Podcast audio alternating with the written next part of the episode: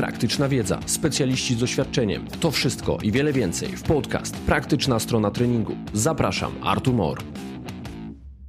Cześć, witam serdecznie w kolejnym odcinku podcastu Praktyczna strona treningu. Dzisiaj ze mną, przed drugim mikrofonem, lekarz specjalista, ortopeda, traumatolog i z zamiłowania triatlonista, panie i panowie, dr Łukasz Bartchowski. Cześć Łukaszu.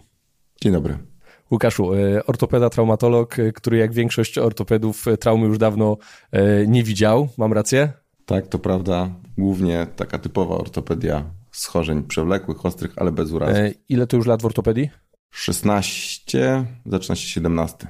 Okej. Okay. Jaka jest twoja taka specjalizacja w tej ortopedii? No powiedzmy, że jest jakaś podgrupa schorzeń, dolegliwości, którymi się wyjątkowo zajmujesz? Od samego początku, bo trafiłem, robiąc specjalizację na taki oddział, od samego początku zajmuję się chirurgią kręgosłupa. Okej. Okay. No to jest taka tematyka, która dotyczy naprawdę dużej grupy ludzi, no bo nawet jeżeli sobie pomyślimy przez same dolegliwości bólowe, czyli ten low back pain, no to problem dotyczy większości populacji w pewnym momencie swojego życia. Oczywiście pochodzenie tych dolegliwości potrafi być różne, natomiast e, dolegliwości są powszechne. No i właśnie przy tym kręgosłupie sobie zostaniemy. I ja mam takie fundamentalne pytanie. Na ile w twojej 16-letniej karierze zdarzyła się sytuacja, w której pacjent e, trafił do ciebie z problemami z kręgosłupem i wylądował na wózku? Ja to mówię oczywiście tendencyjnie z takim uśmiechem, bo jakby to dolegliwości bólowe kręgosłupa u generalnej populacji najczęściej wiążą się z ostrym bólem, taki epizod, no i tam jest ta katastrofizacja, czyli jakby wizja tego wózka się natychmiast pojawia. No i ja bym chciał tutaj sięgnąć do źródła, czyli przez 16 lat, ile tych pacjentów wylądowało na wózku u ciebie? Próbując sobie przypomnieć, e, wydaje mi się, że spokojnie zmieścimy się na palcach jednej ręki. Na naprawdę kilka, pewnie kilkanaście tysięcy osób, z którymi się spotkałem zarówno w leczeniu szpitalnym, jak i takim poradnianym. No właśnie, ja to chciałem na początku podkreślić, bo ten podcast słuchają specjaliści, ale też pacjenci i to jest myślę taki temat, który czasami spędza sens powiek osób, które doznają takiego incydentu. No i, i przez 16 lat na palcach jednej ręki. Dobra, to jest taka pierwsza, mam nadzieję, wartościowa informacja. Druga taka dla mnie już ciekawa rzecz, czyli już trochę taki samolubny będę w tym pytaniu, to na ile często spotykasz się z sytuacją, że pacjent przychodzi raportując ból, taki kręgosłupa, tak parasolowo sobie to nazwijmy, zlokalizowany w tych e, okolicach, a nie dotyczy to kręgosłupa, czyli on w ogóle jakby nie jest takim problemem na przykład może czy ortopedycznym, czy w ogóle związanym z kręgosłupem. Ciężko mi określić jako częstość jakąś konkretną, czyli podać to w liczbach. Eee, powiedziałbym może w ten sposób, że jest to coś regularnego, czyli w takiej praktyce poradnianej, czyli tam, gdzie najczęściej spotykamy się z pacjentami, prawdopodobnie raz, dwa razy w tygodniu na kilkunastu, kilkudziesięciu pacjentów zjawia się taki, który pomimo powiedzmy w miarę typowych objawów gdzieś z okolicy pleców, bo tak pacjenci najczęściej to nazywają, czyli oni przychodzą z założenia z bólem kręgosłupa, okazuje się, że jednak taki do końca ból odkręgosłupowy to to nie był. I problem był zupełnie inny lub mimo wszystko z tej okolicy, ale nie ortopedyczny. Mhm. Jakieś przykłady przychodzą Ci teraz do głowy? Tak na szybko, na pewno niedawno był u mnie pacjent, który już jest tam dłuższy czas pod opieką, który faktycznie przez dłuższy czas był prowadzony na początku w poradni lekarza rodzinnego, później już trafił do wyleczenia specjalistycznego z takim typowym bólem kręgosłupowym, czy właściwie bólem pleców. Najbardziej zlokalizowanym mniej więcej tam około kręgosłupowo w części lędźwiowej. Nawet taki, który jego badania obrazowe wstępnie mogłyby kierować go, znaczy kierować nas na to, że ten problem jest kręgosłupowy. Natomiast po dłuższej diagnostyce, po głębszym przyjrzeniu się, koniec końców okazało się, że głównym problemem tego pacjenta jest zapalenie jelit które nie było wybitnie oczywiste. E, oczywiście w pewnych okresach zaostrzeń łatwiej było na to wpaść, o może tak powiem. Natomiast gdyby potraktować go w taki sposób kompletnie zero-jedynkowy, to patrząc tylko na jego badania i tylko i wyłącznie na tak bardzo zimno opisane objawy, spokojnie można by go wrzucić do, do takiego woreczka kręgosłupowego i bardzo by on źle na tym wyszedł. Dlatego, że Koniec końców po diagnostyce faktycznie jak się okazało, że ma tam problem zapalny jeli, trafił pod opiekę bardzo fajnego gastroenterologa i teraz go widuje właściwie tylko i wyłącznie powiedzmy na zasadzie takiej wizyty kontrolnej, czyli że wszystko jest na to w porządku i tak dalej. Trochę z ciekawości, czyli zapraszam go trochę z ciekawości, jak to tam dalej jest.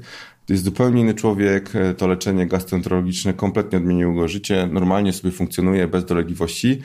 Oczywiście okazało się, że jakiś tam problem kręgosłupowy ma, ale raczej bym go nazwał zwykłym, takim typowym, przeciążeniowym, z którym sobie bez problemu radzi podstawowymi formami tam rehabilitacji. My czasami też zapominamy, że ludzie mogą chorować jednoczasowo na dwie choroby, nie? czyli które są nie zawsze ze sobą powiązane. W przypadku takiego bólu grzbietu i jakiejś formy zapalnej jelit, tutaj na przykład zespół wrzodziejącego jelita, no to można się wpływać, czyli jakieś zaostrzenie dolegliwości w zakresie tego jelita, no będzie gdzieś wpływało na to, że mogą te incydenty low back pain pojawić się intensywniejsze.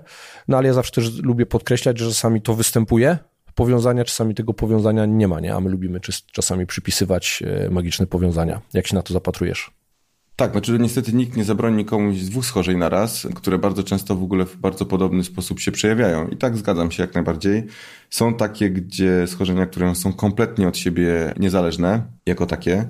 Czyli pacjent jednoczasowo ma i jedno, i drugie. Czyli ma i problem kręgosłupowy, i problem, załóżmy, jakiś tam internistyczny, i w tym momencie największą sztuką jest stwierdzić, który, znaczy po pierwsze, że są dwa oddzielne, po drugie, który bardziej przeszkadza pacjentowi i ewentualnie ustalić jakąś hierarchię leczenia. Bardzo ciężko leczyć się dwa problemy na raz, szczególnie jeśli obydwa występują w fazie zaostrzenia. Są również problemy, które płynnie jakby przechodzą jeden na, e, na drugi. Tutaj chyba najlepszym przykładem są ci pacjenci reumatologiczni, których troszkę jest, że tak powiem. Reumatologia też ma to do siebie, że jest taką dziedziną, w której nie wszystko jest oczywiste, czyli od momentu, kiedy pacjent zjawi się z jakimiś objawami, do momentu, kiedy postawione jest jakieś rozpoznanie, też mija trochę czasu, trzeba troszeczkę wejść bardziej w diagnostykę, przyjrzeć się temu pacjentowi, czasami wszystko zrewidować od nowa. I oczywiście wiele schorzeń tych reumatologicznych również ma swoje odbicie w kręgosłupie i to będzie taki klasyczny przykład pacjenta i ortopedycznego, i reumatologicznego, gdzie jedno płynnie przechodzi sobie na drugie. Także najważniejsze jest tylko to, żeby postarać się znaleźć, znaczy jeśli to występuje, no to postarać się znaleźć obydwie te jednostki i właśnie zobaczyć, czy one są zależne od siebie, czy nie. Ustalić sobie dla pacjenta hierarchię jakiegoś leczenia, czyli nie pójść na skróty. Nie mhm. znaleźć pierwszego jakoś tam tam w miarę odpowiadającego rozpoznania i, i lecieć jakimś schematem, no bo może się okazać, że niestety tutaj jakby nie osiągniemy. Mhm. Wiesz, jak teraz, jak teraz mówiłeś o tej reumatologii, ja w ogóle z niej taką rzecz, którą najbardziej zapamiętałem jeszcze za czasu studiów, to że większość tych chorób e, reumatoidalnych to etiologia nieznana, nie? szachmat, no i to jest duży problem, no bo de facto trochę leczymy objawowo, trochę zarządzamy tym problemem, a nie do końca wiemy skąd to pochodzi, jak to leczyć, nie? czyli takie przyczynowo leczenie nie zawsze tutaj będzie możliwe. Natomiast zostawmy tą reumatologię. Ja bym chciał zapytać Ciebie, to do jakich specjalistów e, do diagnozowania danego pacjenta, o ile mówimy o tych pacjentach o takim nieoczywistym pochodzeniu tego bólu, albo gdzie pojawiają się Twoje wątpliwości, do jakich specjalizacji najczęściej e, wysyłasz? Czy, czy obserwujesz jakąś zależność, że no częściej wysyłasz na przykład do reumatologów, czy do innych jeszcze specjalizacji? Czy dominuje, nie będę, nie będę ukrywał, dominuje reumatologia. Dosyć wysoko jest ginekologia, jeśli chodzi o ranking tych e, lekarzy, z którymi powiedzmy współpracuję. No bo niestety bliskość tych powiedzmy dwóch układów, czyli tego układu kostnego i tego układu rozrodczego, szczególnie właśnie w, w, w tej okolicy lędziowej, no ma spore znaczenie. Zdarza mi się współpracować z bardzo fajnymi neurologami, bo czasami problemy kręgosłupowe są już tylko tym ostatnim ogniwem jakiegoś większego problemu neurologicznego, który mimo wszystko nie daje tak oczywistych problemów czy objawów neurologicznych. Natomiast, no, jakby reasumując, mimo wszystko chyba reumatolodzy tutaj okay. do, dominują. No dobra, to teraz jak jesteśmy przy tych różnych specjalizacjach, to moje kolejne pytanie. Pacjenci mając dolegliwości bólowe kręgosłupa, problem, który wydaje się im być powiązany bezpośrednio z kręgosłupem i czasami mają rację. Niektórzy wybierają i udają się do ortopedy, a niektórzy do neurochirurga na przykład. I moje takie pytanie, czym się różni spojrzenie na te dolegliwości ortopedy i neurochirurga? Czy widzisz w swoich takich obserwacjach tych środowisk, no bo są blisko siebie te środowiska, różnice w ordynowaniu tego, jakie leczenie będzie najlepsze? Czyli takie twoje spojrzenie i może taki komentarz też do pacjenta, do kogo on się powinien udać z takimi problemami. Na pewno chirurgia kręgosłupa jest taką, czy w ogóle zajmowanie się kręgosłupem, bo chirurgia kręgosłupa jakby sugerowałaby, że tylko się operuje, ale zajmowanie się jako takim kręgosłupem, no na pewno jest wspólnym elementem obu tych specjalizacji i wiele rzeczy, czy wiele jednostek chorobowych w podobny sposób będzie traktowana i przez neurochirurga, i przez ortopedę. Aczkolwiek są tutaj pewne takie, powiedzmy tam niuanse, czyli mimo wszystko świat neurochirurgii jest światem mocno powiązanym z neurologią i z układem nerwowym, czyli wszystkie te problemy, które będą w większym stopniu dotyczyły tkanki czy struktury nerwu jako takiego. Raczej pacjenci trafiają wtedy do neurochirurgów. Tylko wiesz, oni nie wiedzą tego na początku, nie? Tak, tu jest, prawda. Czyli ich decyzyjność w ogóle wynika, jest ból, pytają się, do kogo mam się udać dostają na przykład tam polecenie na neurochirurga albo na ortopedę, nie? To jest zupełnie jakby, czas oni jakby nie wiedzą, To powiem inaczej, zwyczajowo większość pacjentów, u których występuje jakiś problem neurologiczny, czyli jakieś tam podrażnienie nerwu i tak dalej, Mhm. z reguły będzie pierwszej myśli myślała o neurochirurgu, co niekoniecznie musi być tam idealnym wyborem, bo jeśli chodzi o większość schorzeń, y, powiedzmy takich typu na przykład dyskopatia, w której ma, możemy mieć ten problem neurologiczny, spokojnie będzie leczona przez ortopedę, fizjoterapeutę również, żeby nie było, ale w takim ogólnym, publicznym rozeznaniu chyba z pierwszą myślą pacjenta będzie neurochirurgia jako taką. Natomiast y, z mojego własnego doświadczenia to jest tak, że jeśli chodzi o wybór ortopedy jako osoby zajmującej się kręgosłupem, częściej jest to wybór z polecenia, z poinformowania przez znajomych i tak dalej. Ta świadomość się powolutku zmienia, taka społeczna, czyli coraz częściej pacjenci wiedzą, że obydwie te specjalizacje się tym zajmują. Znaczy inaczej, coraz częściej zaczynają się kierować opinią o samym lekarzu, a nie tym, że udaje się do jakiejś specjalizacji w ten sposób. Ogólnie medycyna powolutku idzie w tym kierunku, że pacjenci poszukują lekarzy zajmujących się jakimś problemem, a nie specjalizacji, czyli czegoś bardziej ogólnego w ten sposób. Natomiast no, na pewno, jeśli chodzi tutaj o to pytanie... Ja myślę, że to jest, to jest ciekawa obserwacja, o której mówisz, bo ja ją też widzę e, i to trochę zmieniły się zasady gry na rynku. Ja bym jeszcze dodał taką do tego narrację. Kiedyś szukało się jakiegoś specjalisty, w sensie no, specjalizacji, potem były w modzie albo takie e, chętnie wymieniane rekomendacje na placówki, całe jednostki, czyli czasami były trochę takie takie miejsca, które urosły do rangi takich mocno opiniotwórczych, takich, gdzie się lepiej leczy, że tam w ogóle stosują jakieś zupełnie inne metody, o których inni nie mają pojęcia. Taka dziwna narracja była budowana, a teraz faktycznie zaczyna się liczyć marka osobista lekarza. Tak. I, tu są dwa tory. Poprzez marketing taki szeptany, czyli właśnie te polecenia pacjentów, y, bycie dobrze zaopiekowanymi, które pozwala im polecać innym. No i druga rzecz, no media społecznościowe. To też zaczyna być obecne i tam też te ci specjaliści pojawiają. Jest to znak naszych czasów. Znaczy generalnie wydaje mi się, że social media są po prostu kolejną odsłoną marketingu takiego szeptanego, czy tak zwanej poczty pantoflowej.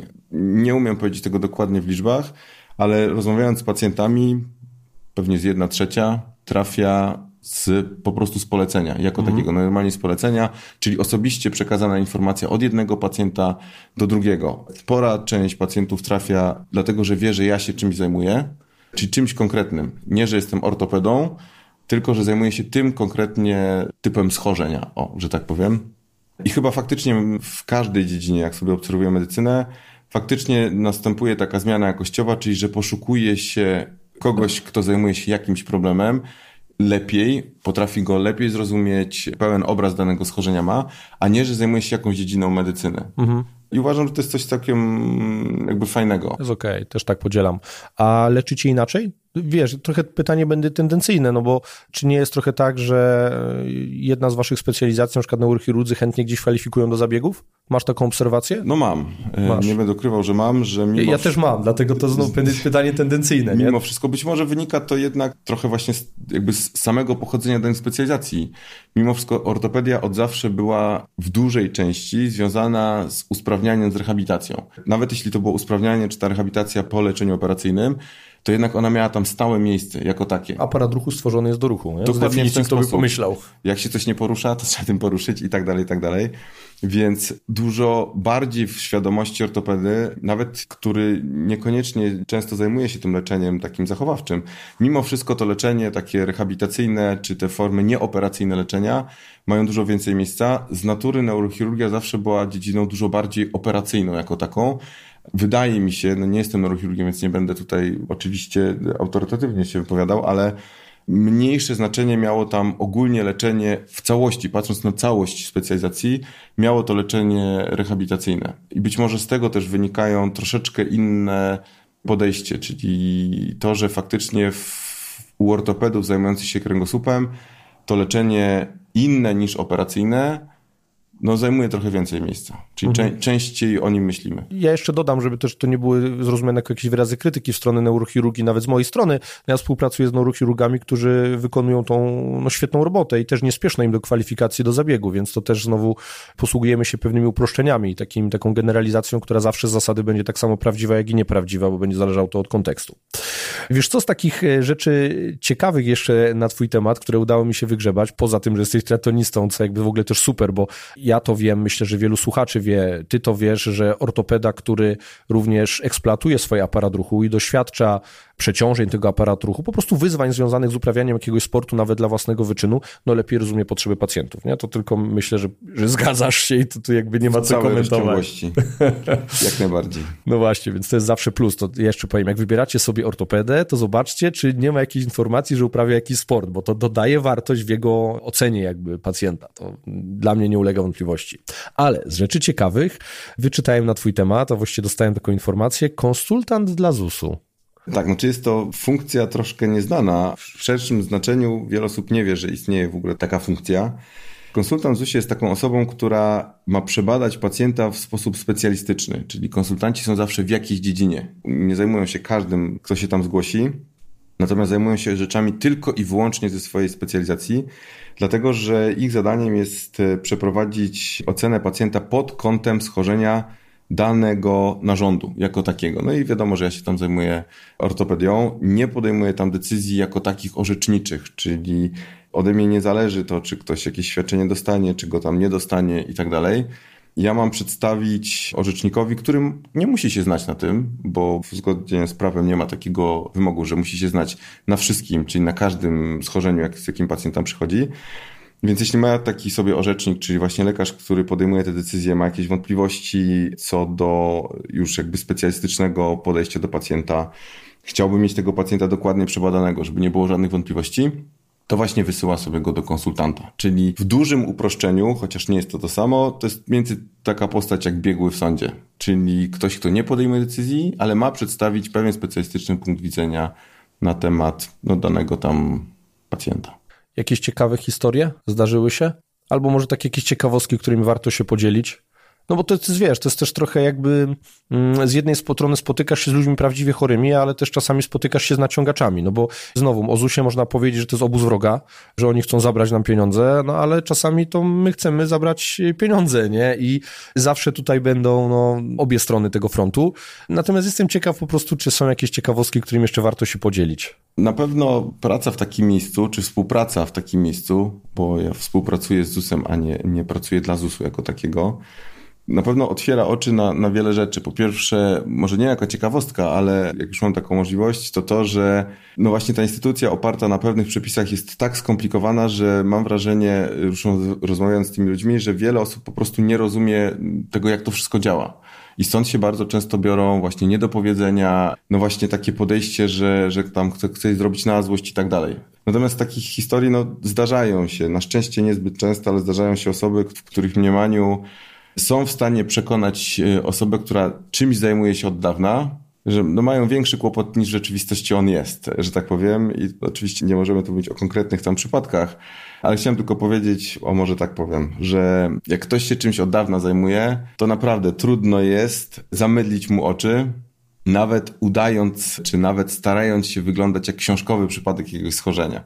W ten sposób to ujmę, czyli to, że jakieś schorzenie występuje w jakiś sposób książkowy. Taki pacjent się nawet tego pięknie nauczy i prezentuje wszystkie objawy jak z książki, to da się ocenić, czy ten problem w rzeczywistości jest tak nasilony, czy ma takie natężenie, czy ma taki problem, czy jest taki troszkę podkoloryzowany. W ten Są sposób. te subtelności, którego, których nie wyczytasz. Tak, niestety tak, a z drugiej strony pacjenci, którzy realnie mają ten problem, oni nie muszą się nad tym zastanawiać, bo oni go realnie mają tak e, jako taki. To prawda.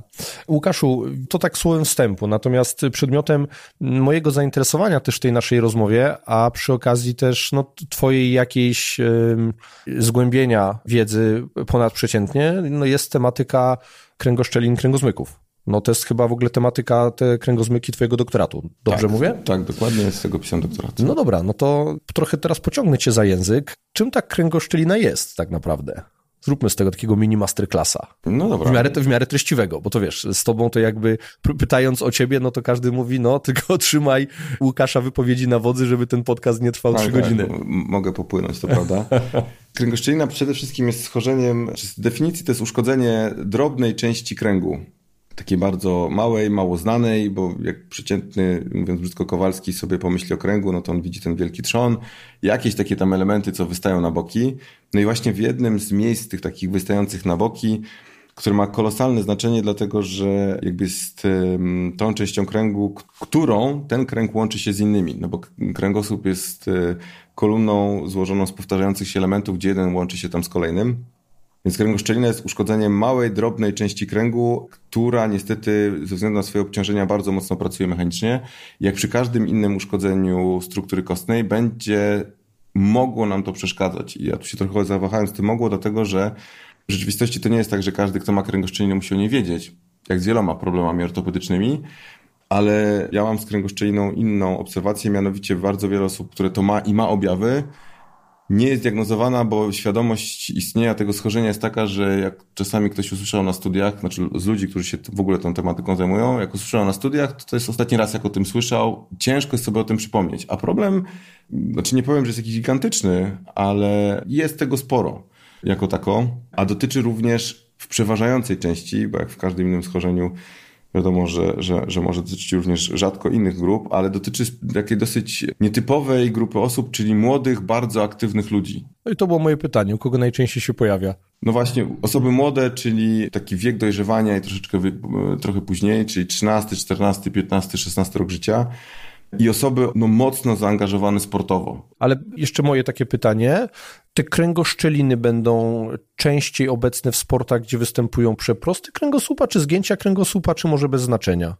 Ma to znaczenie, no bo czynnikiem ryzyka jest w ogóle to uprawianie sportu w miarę regularnie, bo to jest dosyć ważne ale również pewne sporty co do zasady i faktycznie e, te sporty o takim powiedzmy biomechanice zgięciowo-wyprostnej, mhm. no tam to występuje częściej jako takie. Są całe takie zestawienia jakby procentowe, czyli teoretycznie kręgoszczelina i kręgozmek, bo w takich badaniach populacyjnych się tego nie rozdziela. Po prostu się uważa, że kręgoszczelina jest takim początkowym stadium, z którego się później może rozwinąć kręgozmek. No to ogólnie uważa się, że mniej więcej w, tu w takiej naszej populacji to występuje objawowo lub nie, u mniej więcej 5% osób. Ale tu mówimy o wszystkich, czyli i o kręgoszczelinach, i o kręgozmykach, czyli osobach młodszych i starszych i tak mhm. dalej.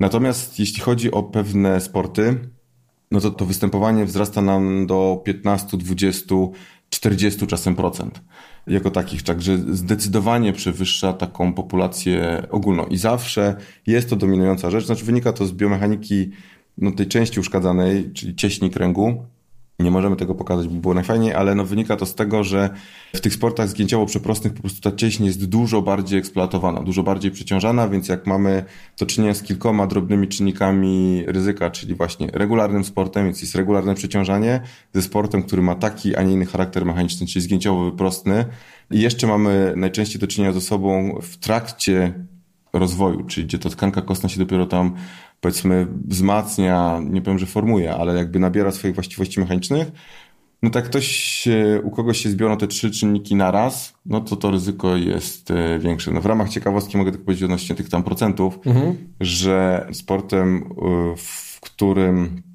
występuje największy odsetek kręgoszczelin, to są skoki do wody. Tam prawie 50% osób ma kręgoszczelinę. Oczywiście pochodzi to z badań niepolskich, głównie z amerykańskich. To wynika tam ze specyfiki jakby tam kwalifikowania do sportu i tak dalej.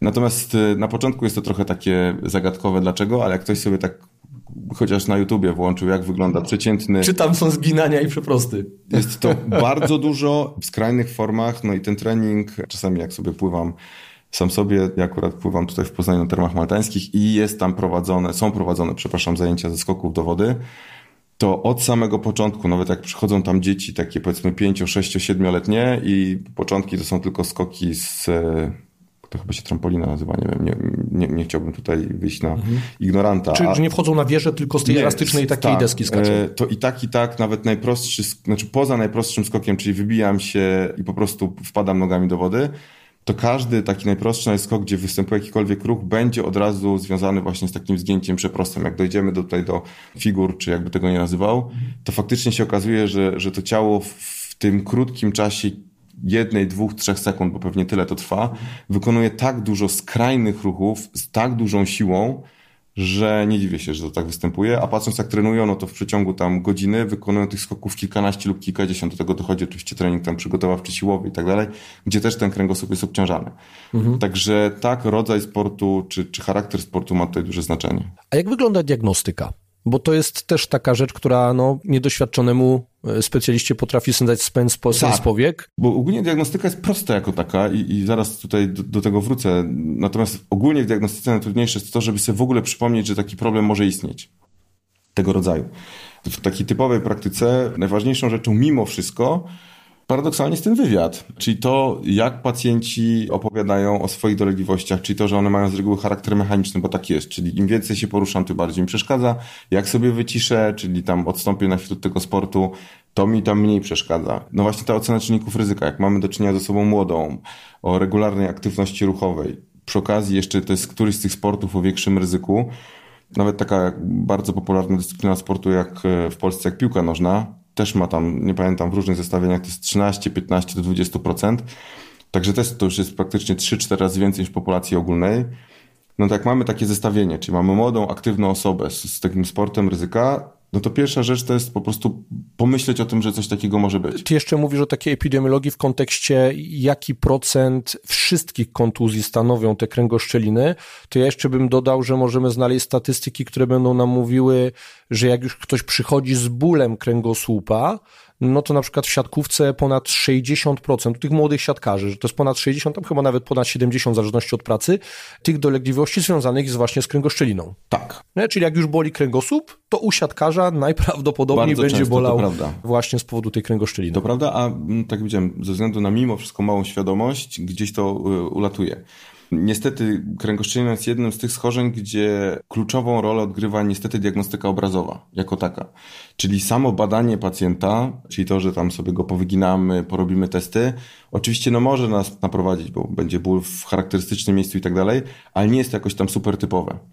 Czyli może być tak, że jak taki pacjent przyjdzie do poradni i my sobie go badamy, to on nawet w trakcie badania będzie wyglądał super świetnie, nic mu nie będzie przeszkadzało. I nie ma czegoś takiego jak test, który jakoś bardzo nas naprowadza. Nie wiem, tak jak nie wiem, szuflada tam w kolanie, to tutaj nie ma czegoś takiego. I w tej diagnostyce obrazowej oczywiście, znaczy najczęściej patrząc z praktyki, nie z tego, jak to jest opisywane, tylko z praktyki.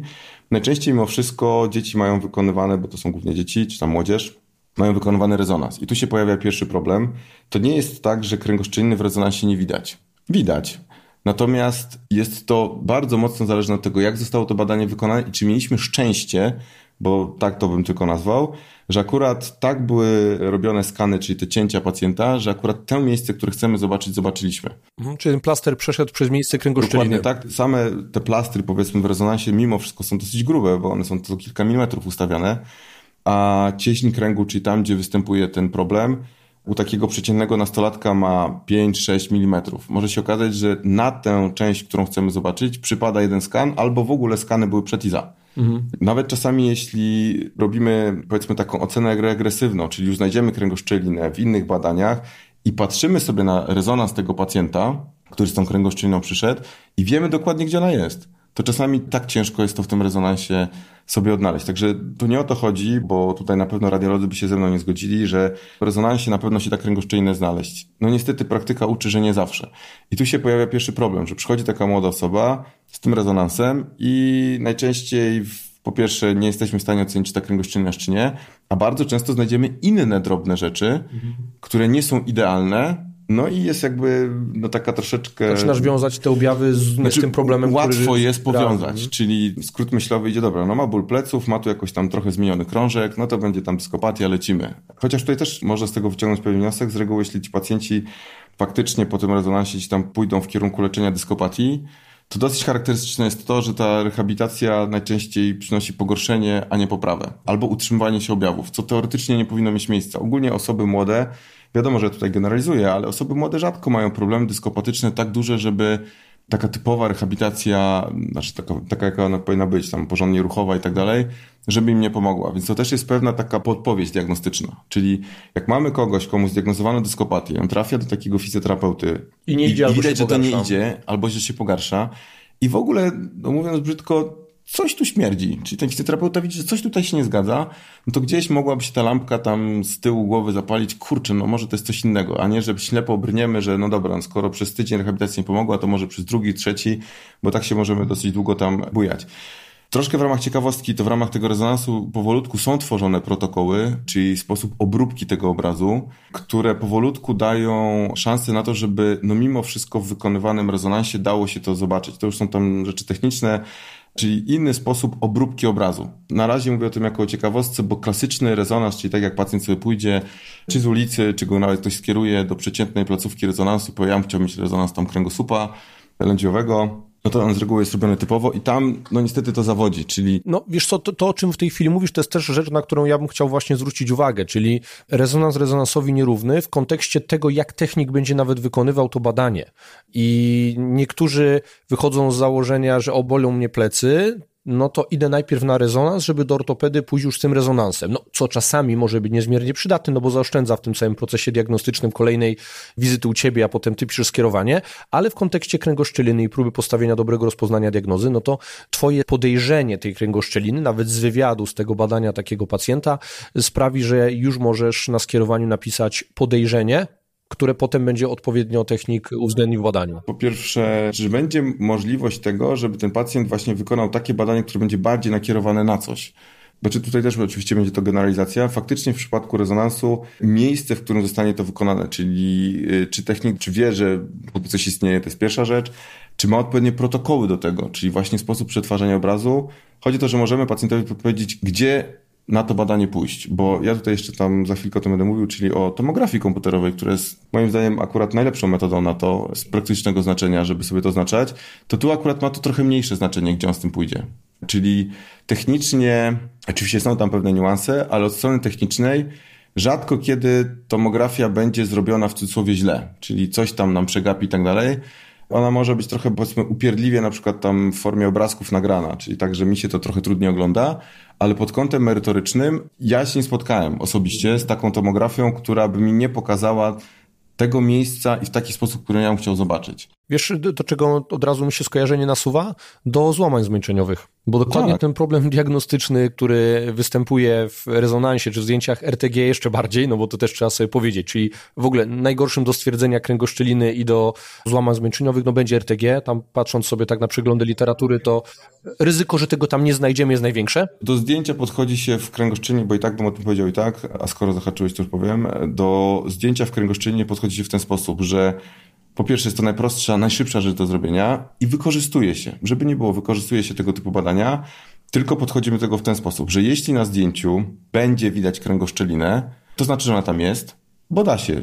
Czasami, jeśli to znaczy jakby ta, to uszkodzenie tam popracuje, zrobi się trochę miejsca, ktoś ma jeszcze taką budowę, że ładnie tę węzinę mu widać, to da się to zobaczyć. To znaczy, że jeśli na zdjęciu ma, to ma, natomiast jeśli na zdjęciu nie widać kręgoszczeliny, to wcale nie oznacza, że tam nie ma.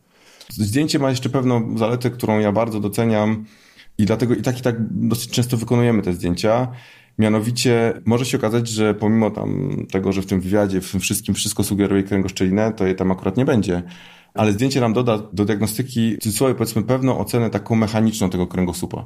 Bo i tomografię, i rezonans w standardowych wypadkach robi się należąco. Taki jest standard, praktycznie wszędzie. Ja wiem, że jest jedna placówka w Polsce, która robi rezonans w różnych innych pozycjach, powiedzmy tam popularnie znana, ale w 99 i tam same dziewiątki procentach przypadków rezonans tomografia robi się należąco. Zdjęcie możemy sobie zlecić i właściwie obecnie to już jest chyba standardem, zrobić sobie na stojąco i zobaczyć jak to pracuje. To jest duża różnica. To ja, Oczywiście. ja zresztą nagminnie widzę, że w badaniach nawet w kontekście jakby wnioskowania, czy potencjalnej stygmatyzacji pacjentów, kiedy robi się badania w pozycji leżącej, tego rezonansu e, i ktoś na przykład ma długi tułów, pozycja też e, tego leżenia jest z wałkiem pod kolanami, no to co się dzieje z odnikiem lędźwiowym? On się będzie wypłaszczał w tym ustawieniu. I przy pewnych uwarunkowaniach jeszcze, no nagle się okaże, że ktoś będzie jak kij bambusowy, nie? W pozycji leżenia, a w pozycji stania nagle się może okazać, że już ta lordoza tam jest i czasami się pojawia na przykład spłaszczona lordoza lędźwiowa, nie? W opisie. No i ktoś już sobie tam mówi, ok, mam problem z tą lordozą, jaka by ona nie była, no bo pacjenci generalnie słowo lordoza kojarzą z chorobą, e, jak jest spłaszczona źle, jak jest pogłębiona źle, no generalnie każda sytuacja jest dramatyczna. Tak, znaczy choruje na lordozę.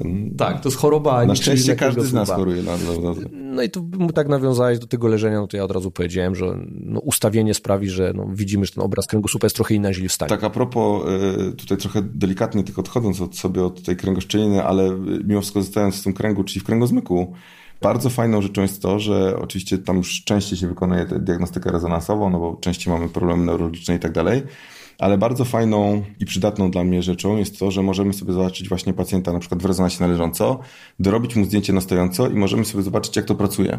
Czyli czy pozycja ma wpływ na to, jak to przemieszczenie wygląda, jak ono się zachowuje. Prosta rzecz, a dużo nam zmienia i, i, i daje. I w kontekście ogólnie myślenia o niestabilności daje jakąś tam szersze. Natomiast co do tej diagnostyki, wracając do samej kręgoszyny, no to już to powiedziałem, ale teraz to troszeczkę rozwinę. Faktycznie najczęściej korzystam z badania tomograficznego jako takiego, bo najrzadziej mnie zawodzi. I nie będę tu oszukiwał, warstwy są bardzo gęste, czyli te plasterki, na które kroimy pacjenta są bardzo cienkie. To jest pierwsza zaleta. Druga gigantyczna, którą ci, którzy gdzieś tam sami starają się tę diagnostykę oglądać, czyli jak już przyjdzie pacjent z badaniem, to sami oglądają, do czego wszystkich, którzy się jakby pacjentami zajmują, zachęcam. No to w rezonansie jesteśmy również zmuszeni do oglądania pacjenta w tej trzech z głównych płaszczyzn, bo tak są rezonanse nagrane, czyli albo z przodu, albo z boku, albo w poprzek i nie możemy za bardzo zmieniać tego ułożenia. Natomiast w tomografii, ze względu na, no, powiedzmy, na, na, na technikę jej wykonywania, Możemy sobie tego pacjenta oczywiście zobaczyć w tych trzech dużych płaszczyznach, czyli z przodu, z boku i w poprzek, ale możemy sobie tym obracać w dowolną stronę. Także, ponieważ kręg ma ogólnie strukturę przestrzenną bardzo skomplikowaną, tam wszystko leży pod jakimś kątem, prawie nic nie leży w zgodzie z tymi dużymi płaszczyznami, no to czasami moglibyśmy przegapić coś tylko dlatego, że prezentacja przestrzenna nam nie odpowiada. A tutaj w tomografii możemy sobie pod kątem ustawić i to pod kątem prawa, lewa, góra, dół w dowolny sposób, czyli zobrazować sobie tę drobną część kręgu, którą jest właśnie cieść czy tam węzina, bo to jest dokładnie e, to samo, tylko ma różne nazwy, dokładnie sobie zrobić cięcie przez nią, cięcie w sensie obrazka, e, cięcie przez nią i sobie to zobaczyć. I to jest naprawdę super rzecz jako taka. No w rezonansie, tak jak widziałem, tego nie, znaczy są, tak widziałem, protokoły, które powolutku idą w tym kierunku, ale na razie jest to bardzo mało dostępne, więc zasady mogę powiedzieć, ogólniając, że tego nie zrobimy. I dlatego również ta diagnostyka tomograficzna jest dla mnie dosyć taka istotna. Oczywiście jest pewien w niej mankament, mianowicie zawsze jest to, że bo będziemy naświetlać dziecko. Naprawdę jest taka, że współczesne tomografie wcale nie obciążają jakoś wybitnie radiologicznie. Inna rzecz, która być może jest, y, znaczy być może się tam ludzie tego domyślają, ale czasami nie dopuszczają do, do, do świadomości tego, że w rzeczywistości napromieniowani to jesteśmy codziennie. I to nie jest tak, że każda dawka promieniowania będzie nas uszkadzała. Ja wychodzę z takiego założenia, że jeśli cokolwiek, co robimy z pacjentem, tu akurat rozmawiamy o diagnostyce, jeśli korzyść przeważa ryzyko, no to warto w to pójść. Więc no nie będziemy robić tomografii w kręgoszczelinie co tydzień, bo to byłoby kompletnie bezsensowne i to byłoby kompletnie bezsensowne naświetlanie. Natomiast jeśli jest nam w stanie bezpośrednio odpowiedzieć na pytanie, czy coś jest, czy nie, i dzięki temu poprowadzimy później ten, powiedzmy tam proces leczenia dobrze, to nawet to pojedyncze naświetlenie niczego, znaczy taka pojedyncza tomografia niczego drastycznie nie zmieni. Tym bardziej, że po pierwsze kręgoszczelina występuje w dosyć konkretnym, znaczy z reguły to jest przedostatni lub ostatni kręg i możemy wprost zasugerować technikowi e, na skierowaniu, żeby nie wykonywał tradycyjnej tomografii, która obejmuje całą część lędźwiową i tam część miednicy jeszcze, tylko żeby się skupił powiedzmy na dwóch, trzech ostatnich kręgach, co zmniejsza to obciążenie radiologiczne, a po drugie, tak jak powiedziałem wcześniej, no to badanie jest wykonywane, raz i koniec. Jeśli jest, to jest, jeśli nie ma, to nie ma i, i nikt nie będzie później jakby regularnie go powtarzał. Także tu bym chciał odkłamać pewien mit, że to jest jakieś tam gigantyczne obciążenie radiologiczne i narażamy pacjenta na nie wiadomo jakie ryzyko.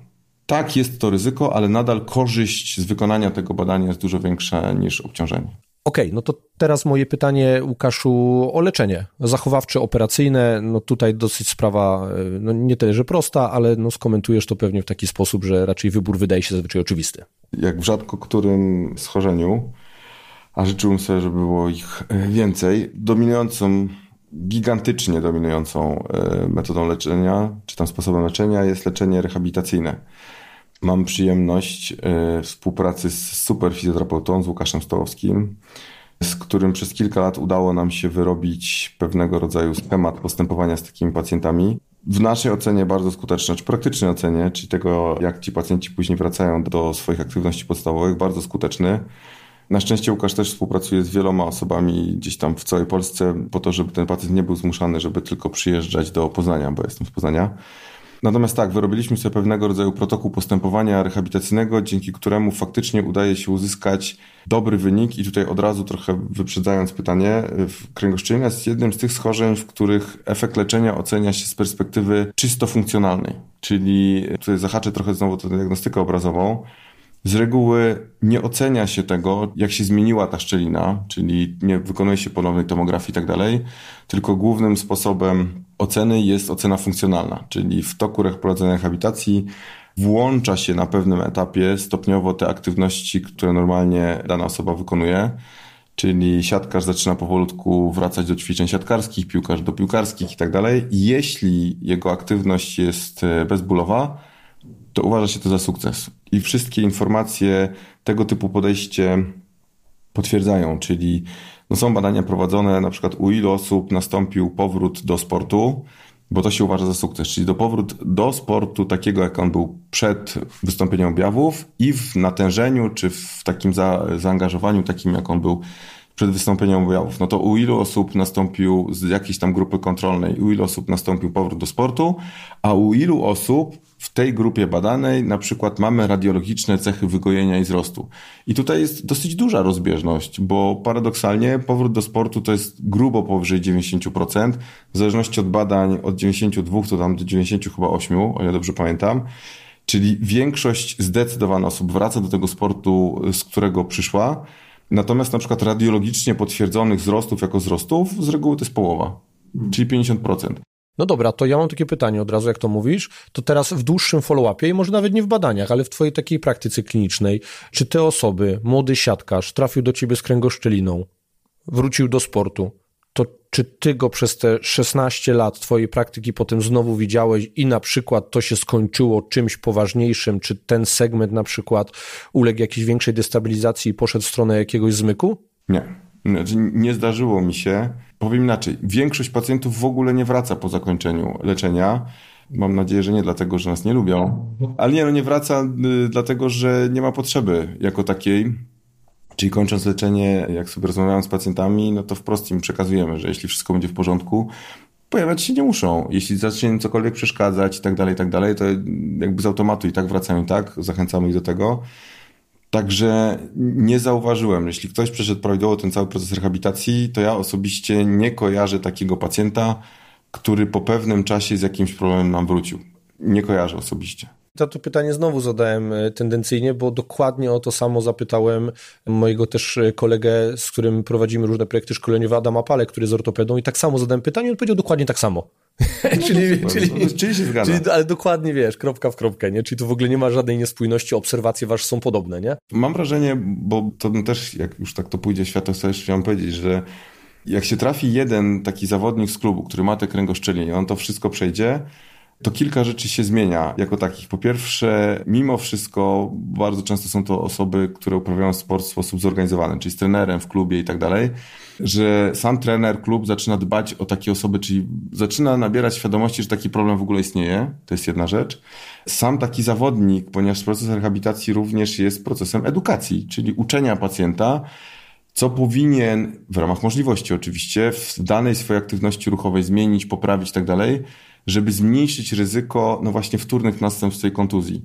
Także i większa świadomość, powiedzmy, sztabu, może szumnie czasami tego powiem, ale i większa świadomość tego pacjenta prawdopodobnie chroni go w przyszłości przed wtórnymi konsekwencjami. A jakieś konsekwencje zaniedbanej kręgoszczeliny? Po pierwsze to jest tak, że no, no że boli, nie? To jest pierwsza rzecz jako taka. Wiesz, że no sportowcy długo z tym bólem mogą, nie? To tak, oczywiście. Ja na przykład jak sobie myślę o kręgoszczelinach, to poza tymi siatkarzami, tymi sportami, o których sobie już powiedzieliśmy, to myślę też o zawodnikach MMA którzy generalnie mają taki problem, że wszystkiego robią za dużo.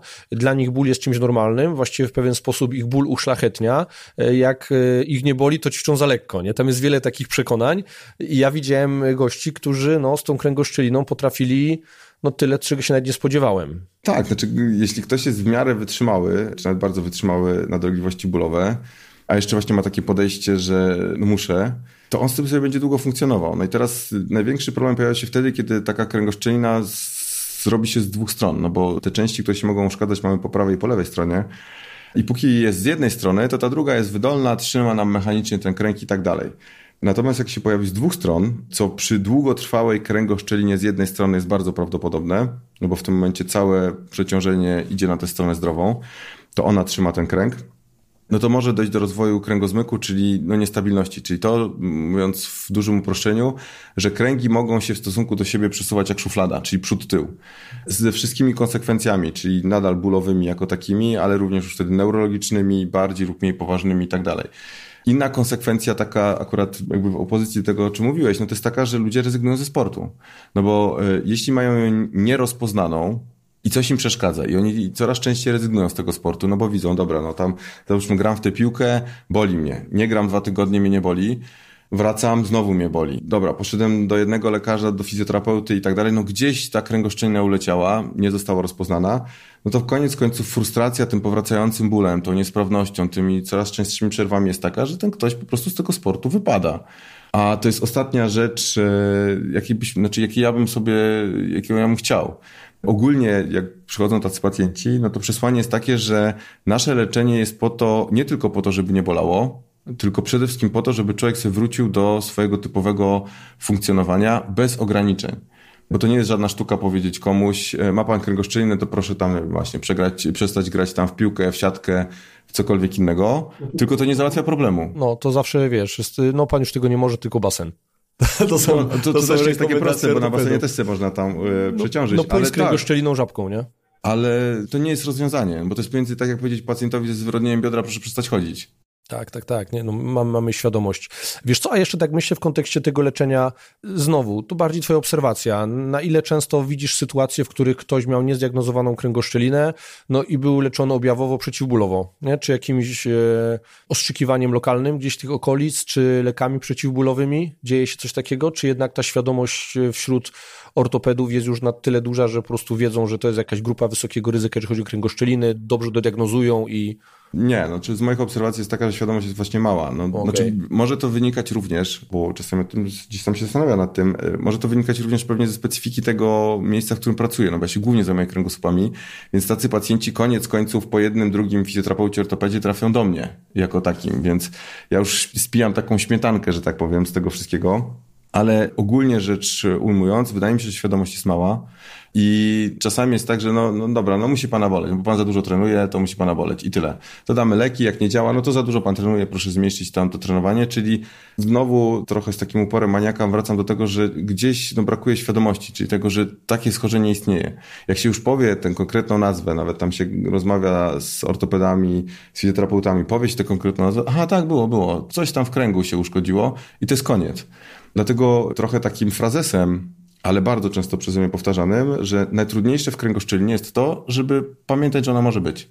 I to jest wszystko. Jeśli ktoś gdzieś tam mu się zapali ta lampka, że słyszy o takim schorzeniu, że ono może być, no to tak jak rozmawialiśmy przed chwilą, diagnostyka jest ogólnie banalnie prosta. Nie wymaga jakiejś superfinezji. No, może być ta kwestia tego, czy zrobić tam rezonans, czy tam tomografię.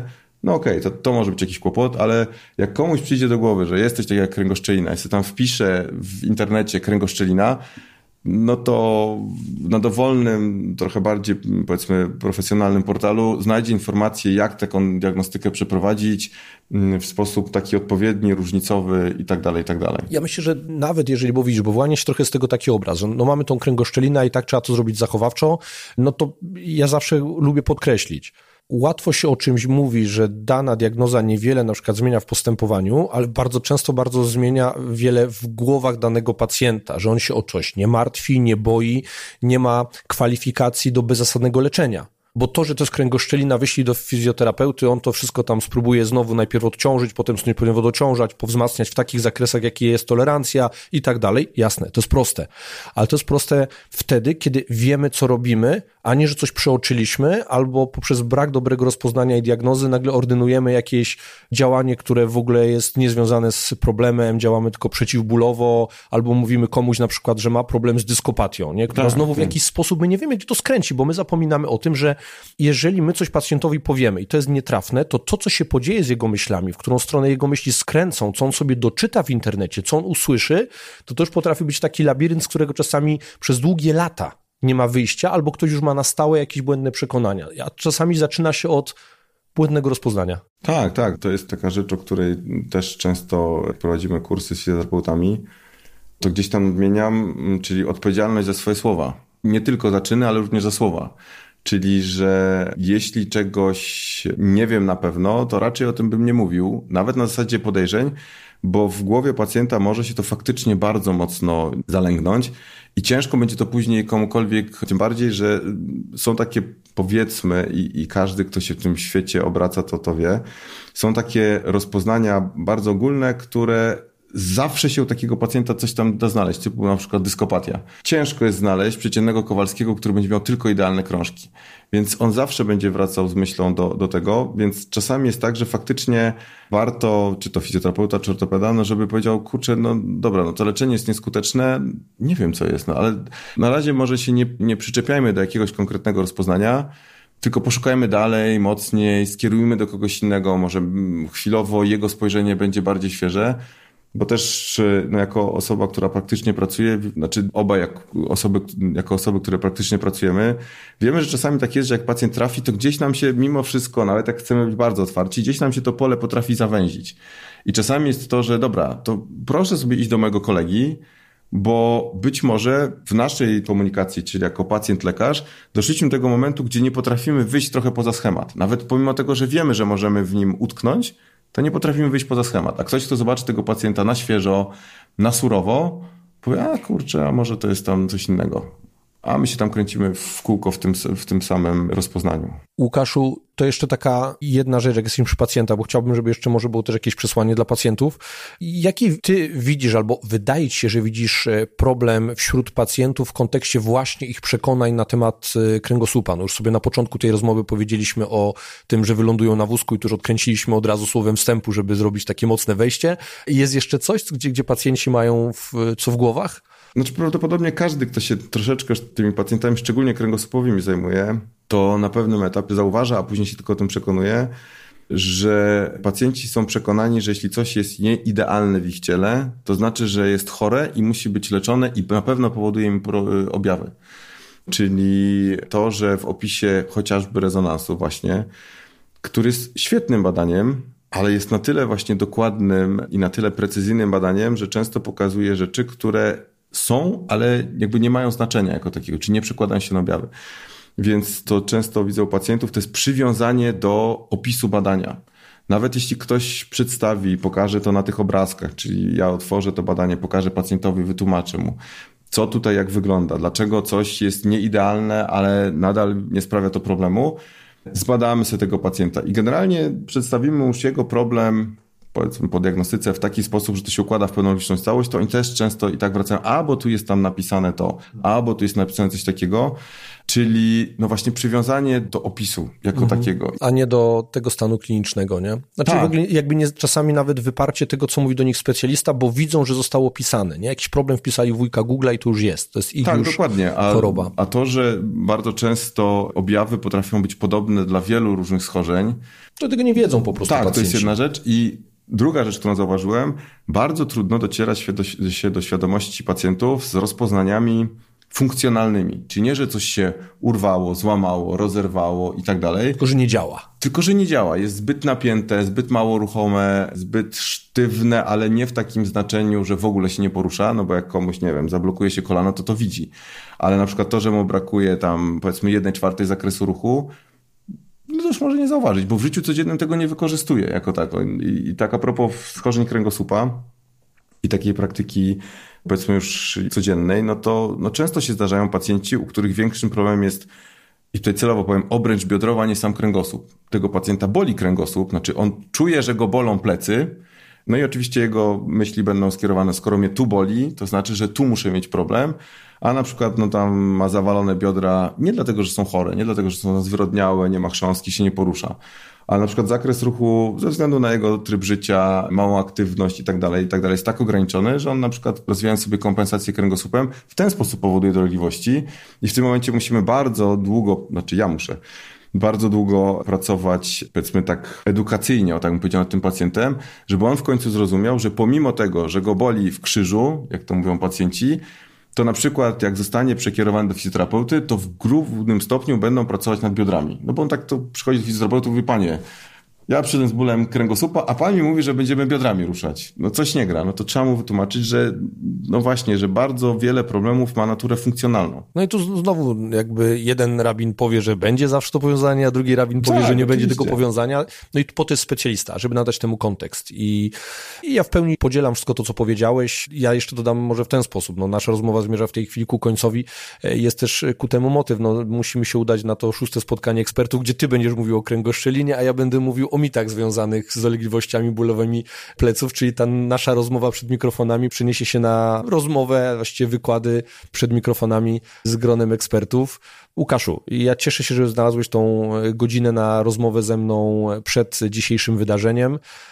No a teraz, mimo tego, że chciałbym tę rozmowę kontynuować, będę zmierzał ku końcowi. Powód jest bardzo prosty, nie możemy się spóźnić. Mam nadzieję, że słuchacze usłyszeli wiele fajnych takich ciekawostek i rzeczy ważnych.